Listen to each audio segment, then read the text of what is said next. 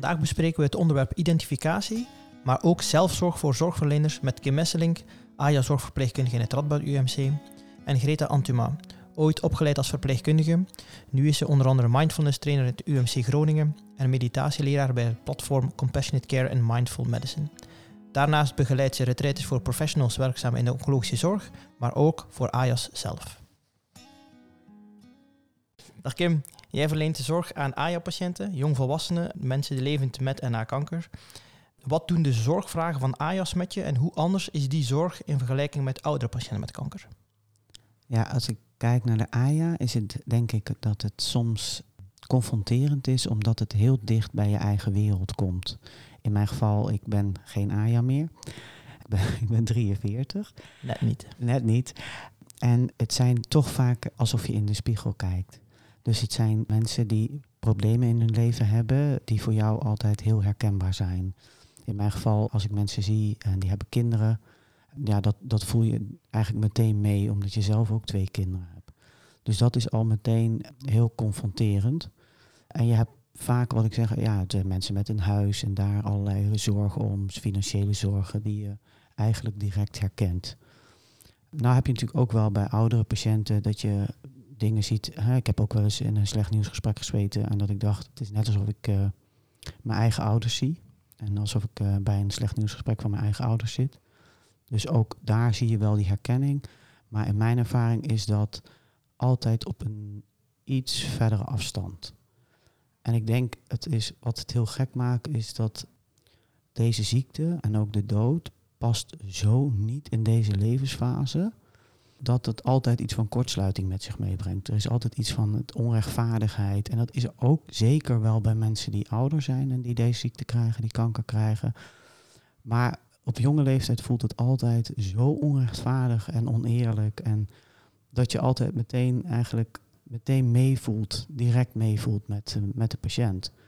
Een anekdote die, die me altijd bij zou blijven is een uh, patiënt van mij, van een vrouw van 28 jaar.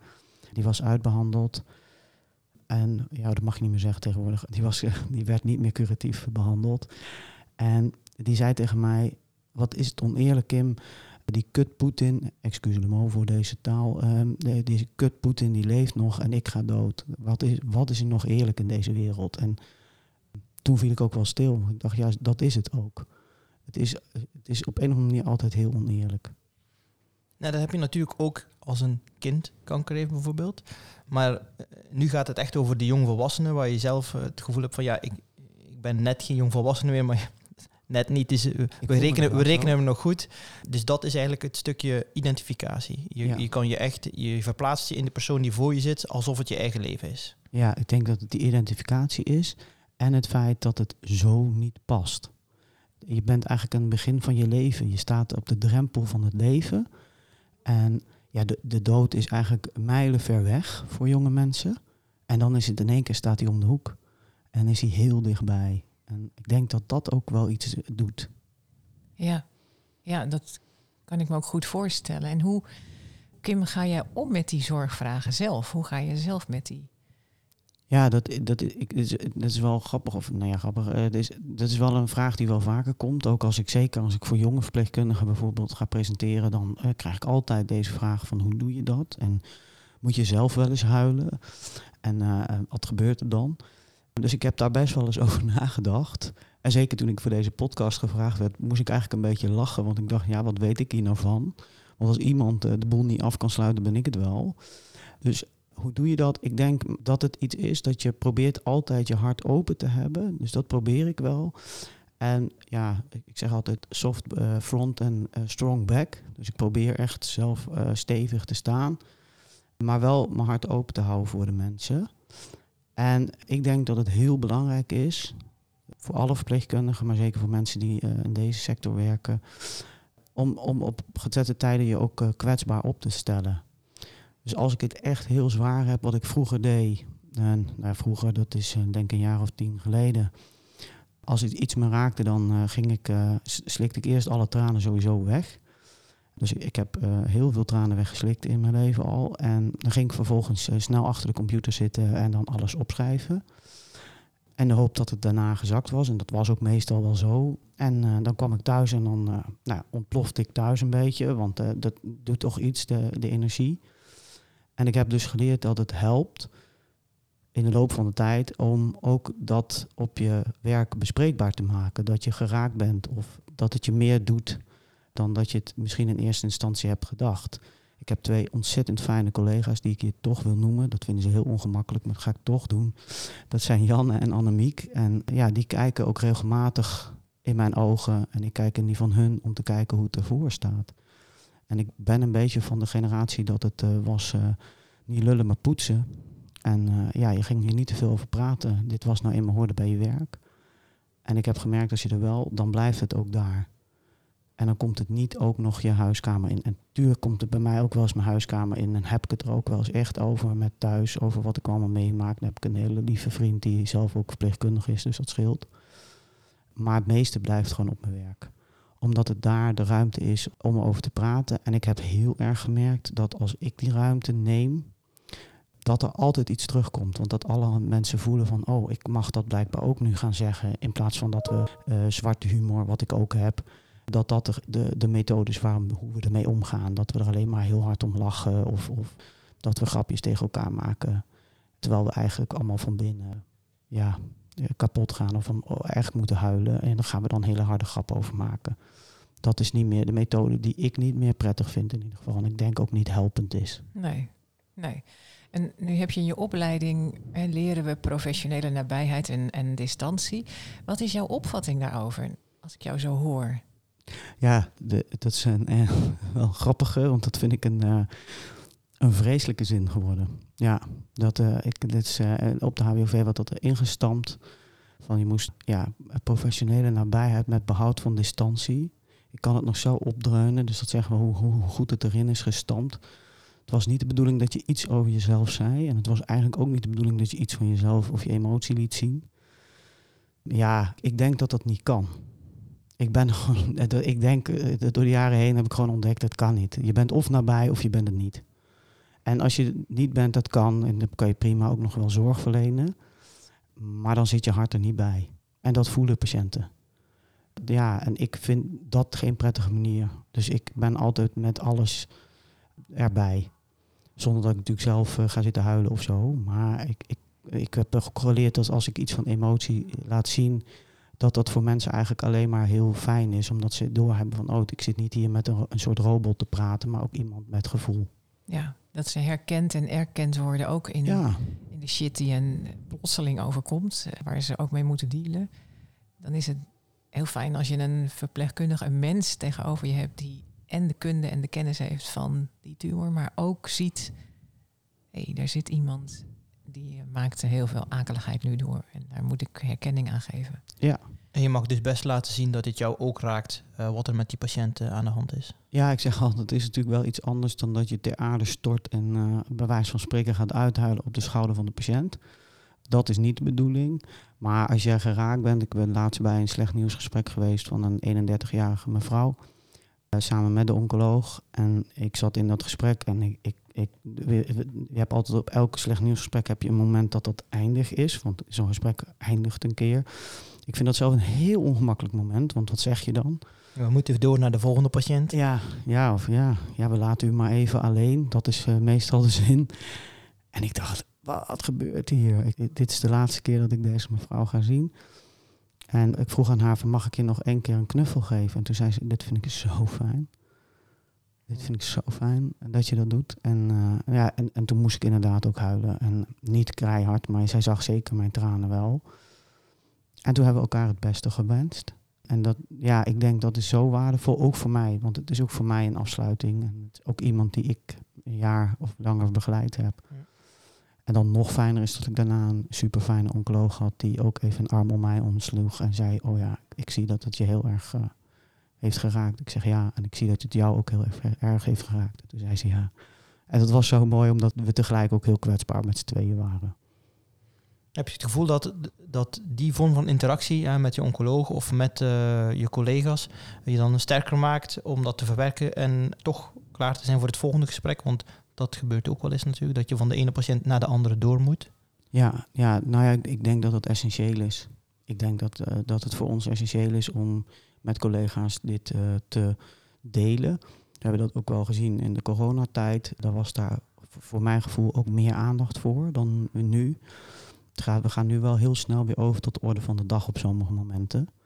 En dat vind ik niet altijd recht doen aan de situaties die we meemaken. Dus ik vind het echt essentieel dat we dit met elkaar delen. En heel fijn als daar ook oncologen voor openstaan. En ik, mijn ervaring is dat dat over het algemeen wel zo is.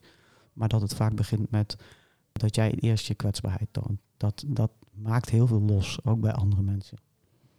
Zou je willen dat dat structureler wordt, bijvoorbeeld? Hè? Die aandacht aan elkaar geven in moeilijke situaties? Ik denk dat dat wel, ja, ik, ik geloof wel dat dat beter zou zijn. Ja, Dat- Doe je dan dat het ziekenhuis dat moet organiseren? Ja, eh, wat ik zei, in de coronatijd was daar wel ruimte voor. Dat kwam ook omdat de psychologen, geloof ik, eh, wat minder patiënten zagen, omdat het natuurlijk eh, lastiger werd. En ik denk van, ja, weet je, het hoeft ook niet altijd. eh, maar het zou wel fijn zijn als dat wat meer georganiseerd is. In plaats van nu een beetje hap-snap op sommige momenten. Want jouw twee collega's waar je het over hebt, die niet willen genoemd worden, wat je toch gedaan hebt, dat zijn wellicht collega's waar je een klik mee hebt, waar je een goede band mee hebt. Maar dat is niet iets wat het ziekenhuis, eh, je hebt niet geen buddy systeem of zo. Het is, dat zijn gewoon de collega's waar je de beste klik mee hebt en daar eh, lucht je je hart bij. Ja, ja, en daar zit ook wel meteen de crux van het hele probleem. En ik ben ooit heel erg geschrokken dat er eh, een van mijn studenten die ik eh, begeleidde toen nog op de hematologie werkte, zei: Het lijkt wel alsof het jullie helemaal niks meer doet. En toen dacht ik: Dit is wel de grootste vergissing die we ooit gemaakt hebben. Dat wij doen alsof het ons niks meer doet. Maar dat komt omdat ik ook altijd ga naar de mensen die voor mij vertrouwd voelen. Maar daar geven we dus ook een soort signaal mee af dat het lijkt alsof het je niks doet, omdat je dat achter gesloten deuren allemaal wel toont. Dus ik denk als we het ja, wat georganiseerder doen of in een groep doen, dat je daarmee eigenlijk ook andere mensen veel meer uitnodigt. Dan dat je dat allemaal maar zelf een beetje informeel regelt. Eh, want niet iedereen heeft die ene collega al gevonden waar die zich helemaal prettig bij voelt. Eh, waar, of die heeft die ervaring nog helemaal niet. Dus ja, of ik- durft niet. of durft niet, ja. En eh, ja, hè, het kan ook zo gewoon lopen dat je iemand even niet treft. Dus ik denk, ja, voor, voor die mensen zou ik het heel fijn vinden als er iets wordt opgezet. We hebben ehm, in een eerdere podcast ook wel een keer een geestelijk verzorger eh, gesproken. Is dat niet iemand die, als je geen rechtstreeks collega hebt waar je bij terecht kan, zou zo, iemand niet zo'n functie kunnen vervullen die laagdrempelig weet van ja, eh, als je ergens mee zit, kun je altijd met me sparren. Ja, dat zou. ik denk ook zeker dat ze daarvoor openstaan hoor, zonder twijfel. Alleen dan ga je ervan uit dat, eh dat verpleegkundigen ook voor zichzelf gaan zorgen. En eh, laat ons dat nou niet ons allersterkste punt zijn. Dus als het vanuit buiten georganiseerd wordt en je. Ja, ik- verplicht vind ik wat, eh, wat heftig, maar is dat, dat er echt een moment voor jou wordt gecreëerd, dan dat je zelf weer het moment moet creëren, dan denk verpleegkundigen, nou, zo erg is het eigenlijk niet. Oh, anderen hebben het veel erger. Wij kunnen ons altijd vergelijken met mensen die het sowieso... Ik kan sowieso vijf mensen noemen die het veel erger hebben dan ik. Ja, te beginnen met de patiënt die, eh, die je net Ja. het slechte nieuws vertelde Ja, natuurlijk. ja, dus daar begint het al mee. Dus dan denk je, ja, waarom zou ik dan aandacht voor mij vragen? Dat eh, Ja. slaat nergens op. En het is echt mooi hoe je dat vertelt. Want als ons motto in de zorg is aan de patiënt te vragen wie ben jij en wat heb je nodig, dan moeten we dat eigenlijk doortrekken naar de zorgverleners, verpleegkundigen. Wie ben jij en wat heb jij nodig om dit te kunnen blijven doen? Ja, ik denk, en dat geldt niet alleen voor de AJA-zorg... maar het zou zo mooi zijn als het voor de totale zorg geldt voor verpleegkundigen... dat er wordt gekeken, wat, zijn nou, wat hebben die verpleegkundigen nou eigenlijk nodig... en waarom verlaten ze eigenlijk best wel massaal ook het vak... Ja, zou dit een van de dingen kunnen zijn dat het je zo aangrijpt dat je het, het vak gaat verlaten? Ik denk dat er zeker mensen zijn ja, die daardoor het vak zijn verlaten omdat ze of niet gezien zijn of niet gehoord zijn door eh, hun leidinggevende. En dat is niet altijd bewust. En zeker niet omdat we ook heel goed zijn om inderdaad de boel een beetje onder de pet te houden. En ja, in die zin ook eigenlijk daar weinig over spreken. Dan kun je dat nogal snel missen, vrees ik. Ja. Ja, sommige mensen verlaten dus de zorg omdat ze het leed niet meer aankunnen, omdat het, eh, dat ze te veel meegemaakt hebben. bekruipt je soms ook het gevoel dat omdat je zoveel ziekte hebt meegemaakt, dat je ook zelf banger bent om, om ziek te worden? Als je, want je, je- ja, dat is een deel van identificatie. Ja. Is, kijk eens, normaal gezien, jongvolwassenen die worden, die krijgen geen kanker, dat is iets van de oude leeftijd. Maar je werkt al, bijna uitsluitend met, met die doelgroep. Heb je dan ook niet het gevoel, oh ja, shit, het kan elk moment, eh, kan ik aan de beurt zijn? Eh, die heb ik zeker, ja. ja ik eh, begin altijd, eh, dus zeker sinds ik op de hematologie werk, zeg ik altijd als eerste tegen mijn huisarts, je snapt wel, ik heb al drie keer leukemie gehad, maar ik heb dit en dit. Ja, ik ben enorm hypochondrisch geworden aan de ene kant. Ik kan het wel redelijk hanteren hoor. Maar het heeft me ook gebracht dat ik veel meer van het leven geniet. En dat ik veel meer zie wat de waarde van het leven is. En de waarde van het leven, ik zeg altijd ook tegen, tegen mensen om me heen. Weet je, op die laatste dagen, daar staan echt geen collega's. Geloof me nou maar. Op die laatste dagen staan je vrienden er, staat je familie er. Dat zijn de mensen die ertoe doen. En werk, weet je, het is hartstikke leuk en we moeten onze dag ook vullen. Ik moet dat ook. Maar uiteindelijk gaat het om die mensen om je heen waarvan je houdt. En daar moet je tijd en energie in steken. En ja, dus het, het, maakt veel meer. ehm, ik heb sinds dat ik op de hematologie werk, mag ik van mezelf niet meer klagen over het weer. Dat doe ik nog wel eens hoor. Omdat ik weet dat er mensen zijn die zes weken binnen liggen en niks liever zouden willen dan een keer de kou op hun huid voelen of de regendruppels. Of, dus dat maakt wel dat je wat nederiger wordt in het leven. En meer leert genieten van wat op dat moment is. Als jij ehm, die definitie van professionele afstand en nabijheid, hè, als je die mag herdefiniëren voor eh, Nederland, wat zouden dan jouw kernwoorden zijn? Nabijheid, sowieso. Altijd. Anders wordt er, kan je geen zorg leveren. Denk ik. Dus nabijheid. Misschien met behoud van je eigen gezondheid. Daarin. Dus eh, dan maar nabijheid is voor mij essentieel. Anders kan het niet. Ik kan het alleen maar met mijn hart doen. Anders kan ik het niet. En hoe omschrijf je dan het gevoel dat je toch nog steeds nadenken, eh, eh, want je hebt een boodschap te vertellen aan de patiënt. Je kan niet exact hetzelfde gevoel hebben als die patiënt, dan zit je zelf te huilen en ga je al die fases door. En je moet hem wel nog goede zorg leveren, in, in die zin de volgende afspraak maken en dat soort zaken. Hoe, hoe neem je dat mee in je nabijheid? Ja, wat ik al eerder zei, ik probeer wel altijd een, een, een sterke rug te houden. Dus eh, probeer wel te, eh, zelf te blijven staan. En dat doe ik soms door inderdaad heel even stil, echt letterlijk stil te staan voordat ik naar een volgend gesprek ga. En heel even weer bij mezelf te komen, een paar keer diep in en uitademen. Eh, dat probeer ik. Maar ik denk dat het essentieel is dat je inderdaad wel altijd bij jezelf nagaat. Sta ik zelf nog recht overeind? Of heb ik op dit moment misschien wel te veel dingen in mijn leven eh, waardoor ik dit werk niet op de, op de goede manier kan doen. Dat is waar je, waar, waar je denkt met de distantie mee zit, ja. Ja, en dat er dan ook eh, momenten zijn, structureler belegd dan nu. En niet vanuit jezelf, maar vanuit de organisatie. Waar je met mensen kunt sparren, oh, juist over die ingewikkelde kluwen tussen nabijheid, compassie en Ja. zorg verlenen. Ja, ja, zeker. En ik denk, ja, zo, dat, zeker dat stuk van compassie, dat wordt eigenlijk nog te veel te weinig ook gezien en benoemd. En ook wat dat met jou als mens doet. Dankjewel. Graag gedaan. Dankjewel, Kim.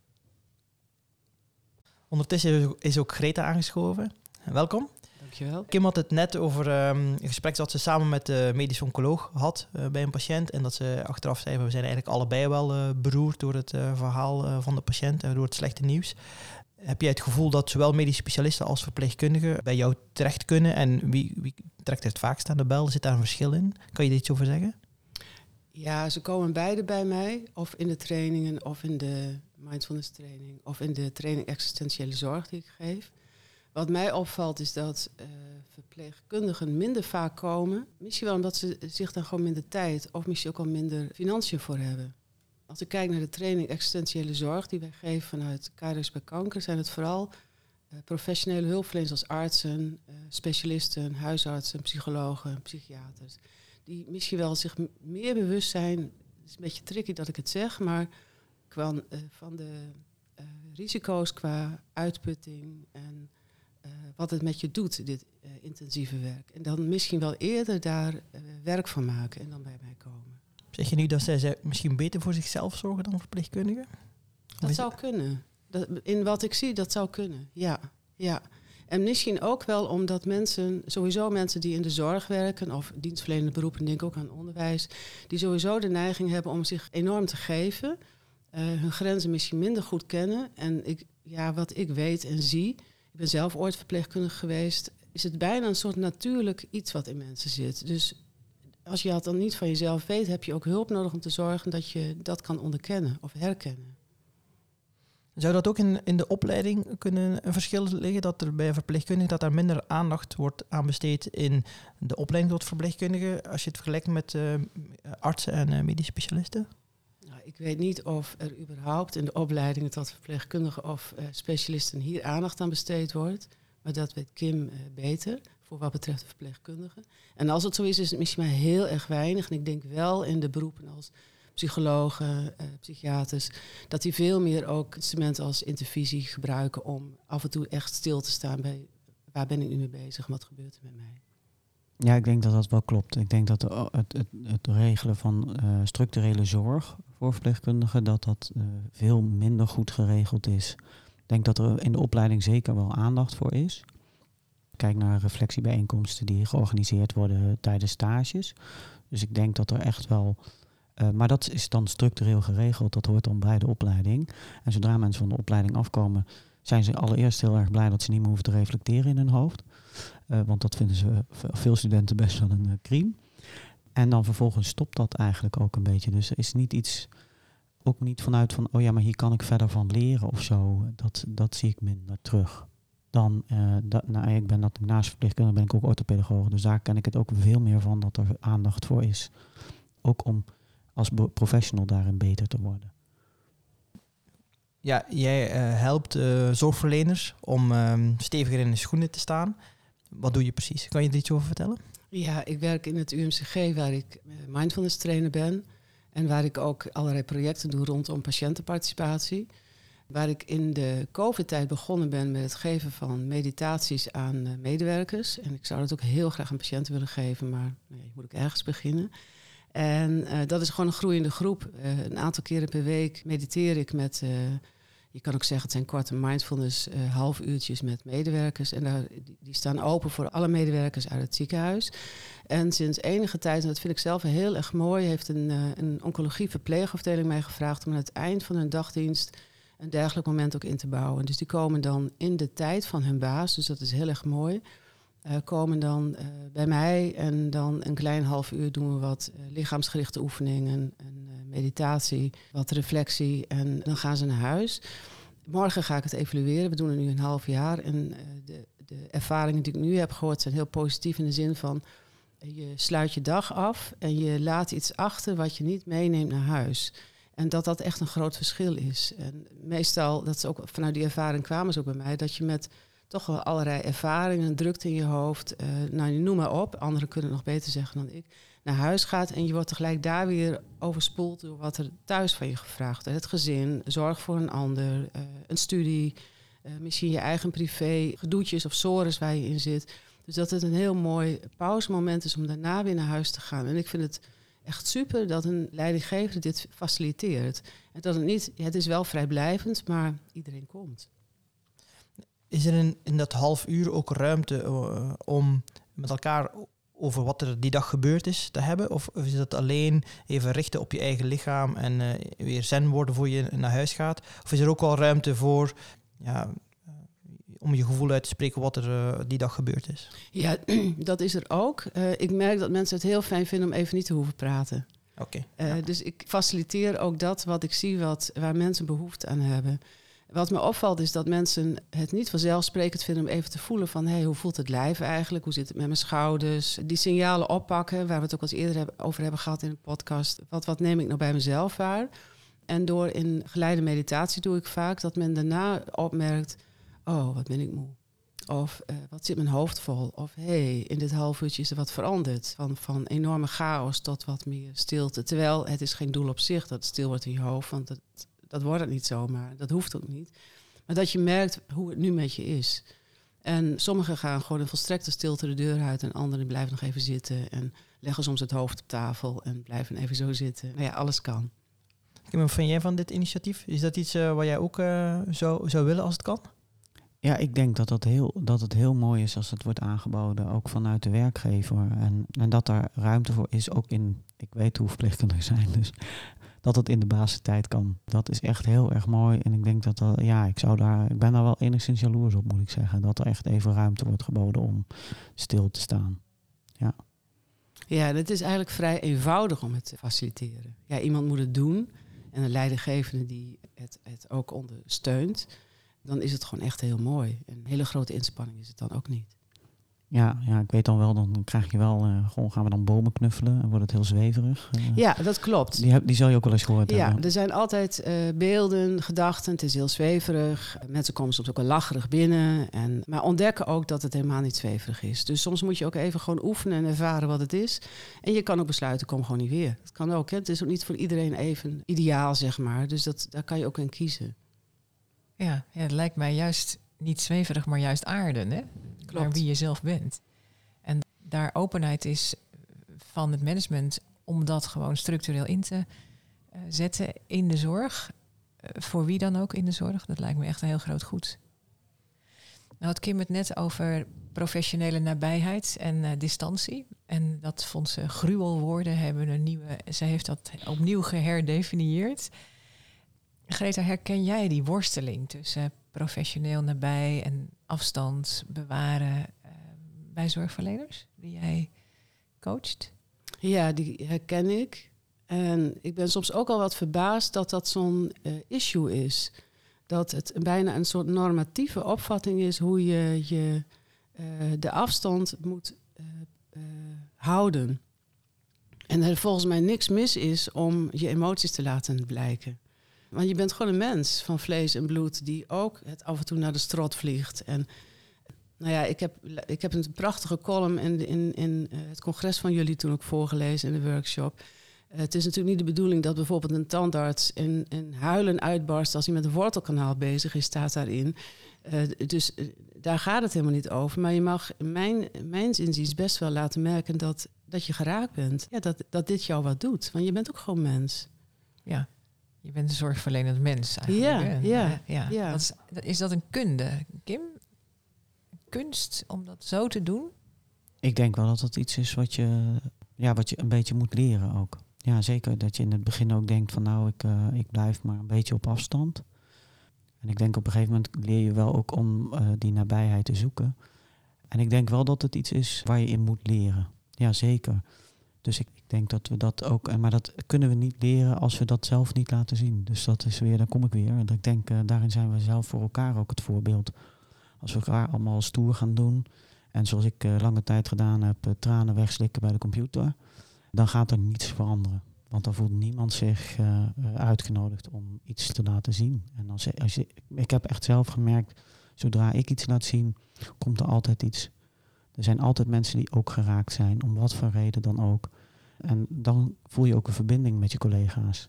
Als we niks laten zien, dan komt er geen verbinding. En dat geldt ook voor patiënten. Dus wij verwachten van onze patiënten dat ze open en eerlijk tegen ons zijn. Dat ze laten zien wat er aan de hand is. Ja, dan kun je niet zelf helemaal niks laten zien. Dat is ook iets wat ik altijd tegen ouders... Ik dat is mijn stokpaardje, ouders met kanker. Ik ook altijd tegen ouders zeg... De kinderen mogen ook best jouw emotie zien. En mogen best zien dat je verdrietig bent. Omdat je misschien uh, niet zal zien dat ze gaan opgroeien. Als, we, als wij niks laten zien, kunnen we echt niet van onze kinderen verwachten dat zij dan wel laten zien wat hun emoties ja. zijn. En dat geldt ook voor collega's. Als ja. we stoer zijn, dan gaan we allemaal stoer verder. Ja. Waar uh, wel een beetje aan voorbij gegaan wordt, vind ik zelf, is dat zorgverleners zijn natuurlijk wel mensen, maar de meeste mensen zien niet zoveel verdriet en leed in, in hun dagelijkse werk dan zorgverleners. En die tegen ziet alleen maar zijn computer. En een garagist ziet alleen maar auto's. Dus ik snap wel dat je wil laten blijken aan elke patiënt dat je betrokken bent en dat, je, uh, dat het je raakt, dat het iets met je doet. Maar als zorgverlener ben je mens, maar niet elke mens ziet zoveel verdriet als een zorgverlener. Toch? Ja, dus er zit een risico in dat je het verdriet heel gewoon gaat vinden. Misschien bedoel je dat ook wel ja, dat je daardoor verandert, dat je misschien juist wel afsluit, omdat ja. je denkt van ja, ik heb te veel verdriet, ik kan, ik kan het even niet meer aan. Of ik kan me wel voorstellen dat, dat dat je ook kan overkomen. Ja, dat kan je overkomen en dan niet meer in staat zijn om te reflecteren op wat er gebeurt bij jou. En eh, je meer en meer afsluit met alle risico's van dien dat je een burn-out kan krijgen of uh, nou ja, wat cynisch kan worden rondom. Zeker ook als het zo intensief is op het werk met alle grote administratieve lasten, uh, structuren waar je heel onge ongelukkig van wordt, weinige dingen die je kan beïnvloeden. Dan ligt het risico op de loer dat je je gaat afsluiten. Dus ik denk dat het ongelooflijk belangrijk is om jezelf erin te kennen. En dat je dus ook een team nodig hebt die je daar ook op kan attenderen van hé, hey, dat wat opgemerkt wordt, dat, dat er iets verandert bij jou. Ja, dus het zijn de goede voorbeelden die je nodig hebt uh, om je heen. Het, het, heeft ook te maken met een veilige werkomgeving. Een, een, werkomgeving waarin je vertrouwend voelt. Ik kan, dit, ik kan dit ook zeggen en ik word er niet op afgerekend. Ja, en ik dacht nog toen uh, Kim uh, vertelde hoe jouw ervaringen van vroeger waren en nu ik denk ook dat mensen die, zoals jij, nou dat weet ik wel zeker, zijn rolmodellen. Maar misschien kan je ook pas een rolmodel worden als je wat langer in dat vak zit. Misschien niet per definitie, maar wel door de manier waarop jij reflecteert en waarop jij ziet wat er gebeurt. Uh, dat jij in die rol, en, en, met jou zijn er ongetwijfeld veel meer, die dat kunnen en ook doen. Ja, ik denk, ik denk zeker dat, nou, allereerst bedankt voor de, de, het compliment dat ik een rolmodel ben. Ik denk dat mijn baas hier heel blij van wordt. ik hoop jij ook. ik weet niet of ze blij wordt van alle rebelse mensen die er dan gaan rondlopen. Maar uh, ik, ik denk inderdaad dat het wel uh, dat, dat enige ervaring wel helpt. En misschien ook wel een paar keer dat je zelf uh, vreselijk op je bek bent gegaan. en fouten maakt. En die ook eerlijk toe durft te geven. Want ik, ik, ik ga ook, dan, dan ga ik, dan loop ik een gesprek uit en denk, oh, ik ging helemaal de mist in. En ik, dat, dat zeg ik dan tegen mijn collega's en die moeten dan ook wel lachen. Oh ja, ja, ja, het gebeurt dat we wel eens een fout maken. Ja, dat, dat je net de plank mislaat. Maar dat is denk ik ook, uh, ook wel de kracht dat je laat zien waar ook jouw eigen zwaktes liggen op sommige punten. En ik denk dan moet je wel redelijk wat ervaring hebben en misschien ook wel levenservaring. Ja, dat denk ik ook. En ik denk ook wel, ik, ik, ik zie vooral Aja's in de retraites die ik leid dat er vanuit hun ook een enorme loyaliteit is naar jullie als zorgverleners. Dus een fout maken, tenzij het heel cruciaal is, maar we hebben het niet over dat soort fouten. Dat kan gewoon. Ja, dat, dat zien. Heel, ja, jullie zijn ook mens. Het wordt ook heel makkelijk vergeven hoor. Ja. ja. Ja, ik heb ook een keer had ik precies een verkeerde woordkeuze. Ik weet niet eens meer waar het over ging. En toen kreeg ik een uitbrander. Ik zeg, goh, die had ik geloof ik verdiend. Ja, zei ze, maar ook helemaal niet. Want je bent verder heel lief. dit was gewoon mislukt. Ik zei, ja, dat weet ik. Dankjewel. En ja, dit is, daarom is deze groep zo leuk. Ja, ik vind het enig, want ik, ik, word zo, ik leer zoveel van deze mensen die voortdurend mij ook een spiegel voorhouden.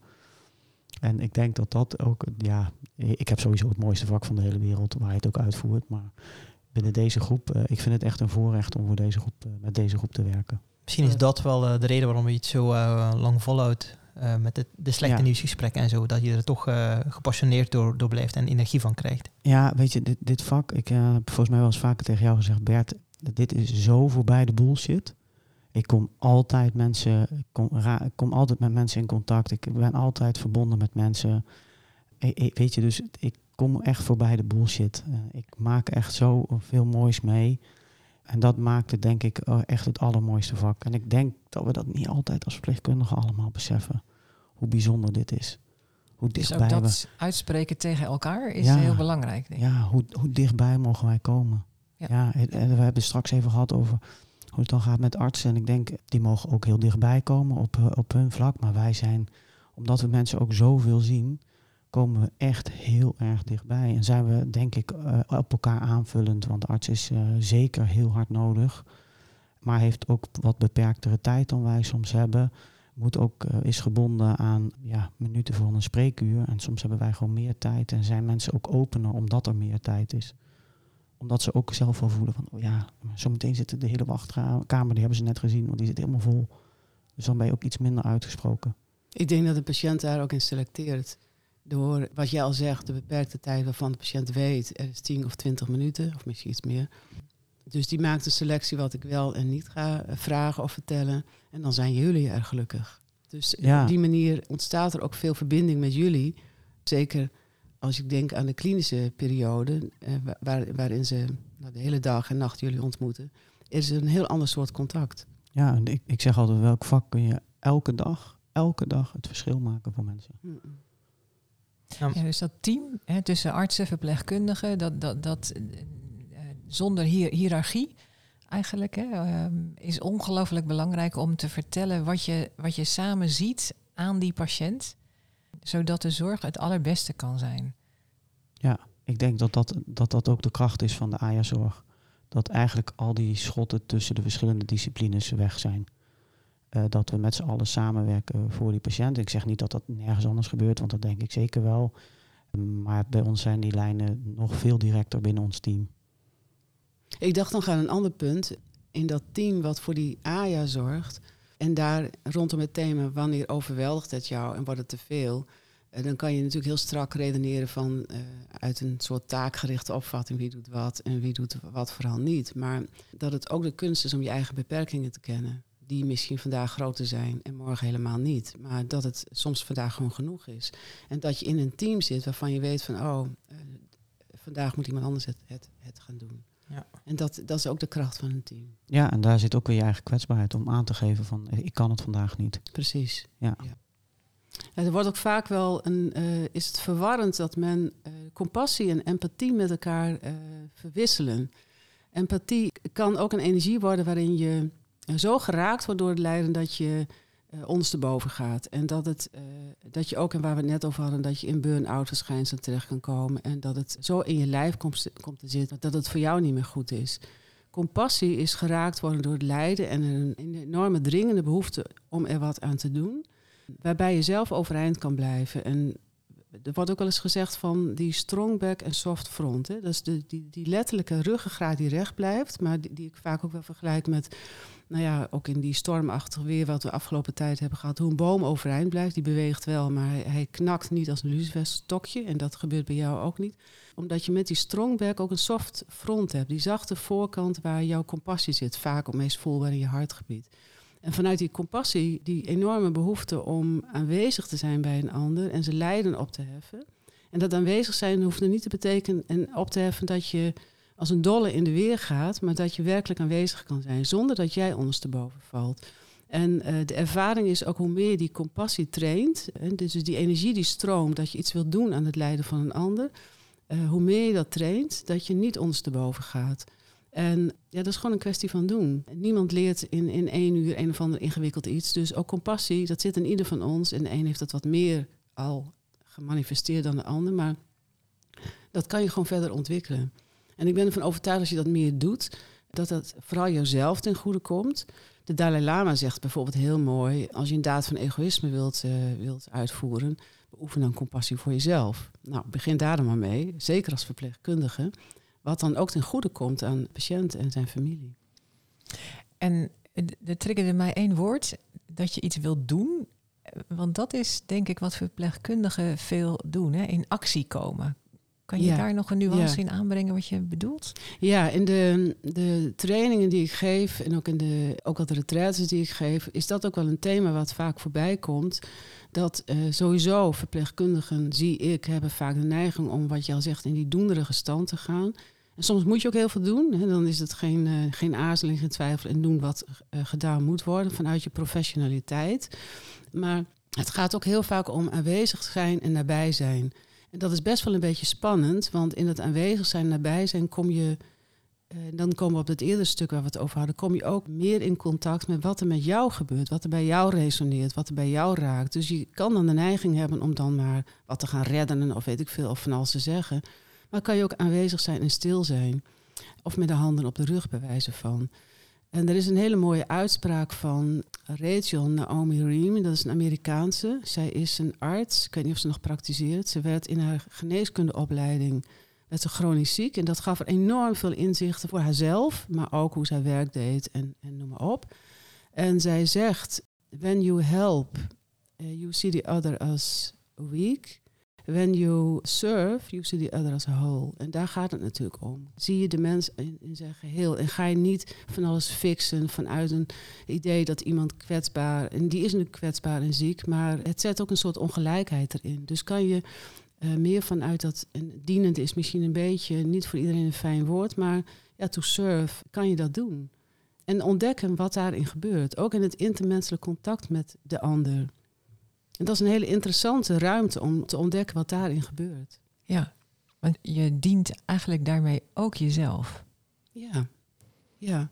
En je kan ook gebieden aanboren die misschien wel een beetje spannend zijn. Omdat je eigenlijk niet wist wat er daar bij jou gebeurt. Maar dat kan heel veel opleveren. En dat levert dingen op, denk ik ook, wat Kim al heeft genoemd. Vanuit hoe zij als rolmodel, vind ik, haar werk doet. Ook omdat zij uh, die ruimte heeft uh, verkend.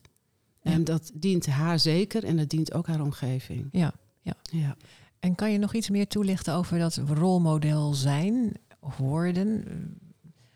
Ja, je zou natuurlijk het liefst willen dat als je klaar bent met je opleiding, dat je alles al kan en weet en heel veel levenservaring hebt. Maar dat is natuurlijk ook hoe wij leven. Wij leren uh, door te leven. Wij leren van onze pijn en wat we allemaal meemaken. En dat is allemaal heel verschillend. Dus ik denk dat het ook gewoon tijd vraagt. En ik weet ook, als je net begint, en dat is ook wel het ingewikkelde, vind ik in deze tijd. Je zit zo vast aan structuren, aan richtlijnen, aan protocollen, aan hoe het hoort. Een beetje ondernemend daarin zijn wordt niet vaak beloond. Een beetje rebels zijn mag van mij betreft wel, maar dat is best wel een spannend gebied. En ik denk als je wat langer, plat gezegd, meeloopt, dan weet je ook wel waar de ruimte zit. En daarin is het van belang om ook weer je netwerk te hebben, dat je weet van, oh ja, maar dit kunnen we wel gaan doen. Ja, ja. En mag een rolmodel ook fouten maken of leren? Een rolmodel zal zeker fouten maken, volgens mij, om een nog mooiere rolmodel te worden. Want ook een, een, rolmodel is een mens die af en toe net niet een goede inschatting maakt of het niet aangevoeld heeft, omdat hij zij niet heeft aangevoeld of hij zij misschien net niet een goede dag had. We hebben allemaal wel eens een minder goede dag en dan gebeuren dingen ook anders. Dus ja, ik denk het wel. Ja. Misschien kunnen rolmodellen iets makkelijker toegeven dat ze een fout gemaakt hebben. Ja, ja, het zou kunnen. Ja, ja. Je heeft al geleerd. ja. Observeer. Ja. ja. Nou, en ik dacht nog aan... Uh, bij ons in het ziekenhuis is wel een hele mooie... Uh, in de visie opgenomen, zie de mens. Nou, dat kan heel snel een beetje een leeg begrip worden, merk ik wel. Maar zie de mens, het drukt wel heel erg mooi uit dat je... Uh, werkelijk jou ziet wie je bent met alles erop en eraan. En dat geldt natuurlijk ook voor de medewerker. En er is een hele mooie uitspraak van Dirk de Wachter. Dat is een, een Belgische psychiater die zelf ernstig ziek werd. Opgenomen was en daarin hele angstige momenten ervoor. Toen kwam er een schoonmaakster binnen en hij vroeg haar, wil je met me praten? Maar eigenlijk kon dat niet, want zij, uh, nou ja, alle werk was ook in uurtjes uitgedrukt of in minuten, dus ze had geen tijd. Ze deed het wel en daarover schrijft hij, de afwezigheid van de ander, dat is de hel. En hoe ongelooflijk essentieel het is dat, ze sprak niet eens Nederlands, uh, maar dat iemand aanwezig is. Dat vind ik heel mooi tot uitdrukking brengen. Dat wij, wij, een, een, patiënt kan niet alleen zijn. Ja, die is misschien wel alleen in zijn pijn en verdriet, maar we hebben elkaar echt nodig, dat intermenselijk contact. Ja, en als je dat doorvertaalt naar intermenselijk contact tussen zorgverleners, hè, om je nood te klagen bij degene die dit ook dagelijks meemaakt, dat is denk ik essentieel. Wat is jouw opvatting daarover? Je bedoelt als collega's met elkaar. Ja. ja, daarin mag je dus ook iets van kwetsbaarheid vertonen. En niet een. Nou ja, de, de andere kant is de hardheid, de, de beetje foute grappen die, die op zich misschien niet, niet eens fout zijn. Maar met het risico dat je kan verharden en cynisme en alle extreme vormen daarvan. Ik denk dat het enorm helpend is als je, als je elkaar daar wel in mag zien en dat je daar ook zorg naar elkaar hebt. Dat dat heel essentieel is. Zou zo'n houding? Zo'n, open houding van andere collega's naar jou toe en jouw openheid naar hen, veilige werkomgeving, waarin je in vertrouwen dingen met elkaar kunt bespreken die je raken. Uh, zou dat uh, ziekteverzuim kunnen voorkomen, denk je? Nou, in ieder geval is het een bevorderend voor je welzijn. Ik weet het niet. Ziekteverzuim wordt ook veroorzaakt door allerlei andere factoren als, als veiligheid op orde is, dat wel een heel wezenlijk, wezenlijk iets. Dus ja, wellicht heb je daar wel gelijk aan. Ja. ja, aan de ene kant heb je dus de mindfulness trainingen aan het einde van de dag. Ja. Zou een hele mooi zijn als uh, meer centra dat kunnen invoeren. En aan de andere kant een structureel overleg uh, met collega's. Um, Kim had hele fijne, of heeft hele fijne collega's waarmee ze dat zelf georganiseerd heeft. Maar het zou mooi zijn mochten bepaalde ziekenhuizen, als dat er nog niet is, die vorm van zelfzorg voor verpleegkundigen ook kunnen uh, organiseren. Ja, ja. Maar goed. Dankjewel. Jullie ook bedankt. Dankjewel, Greta.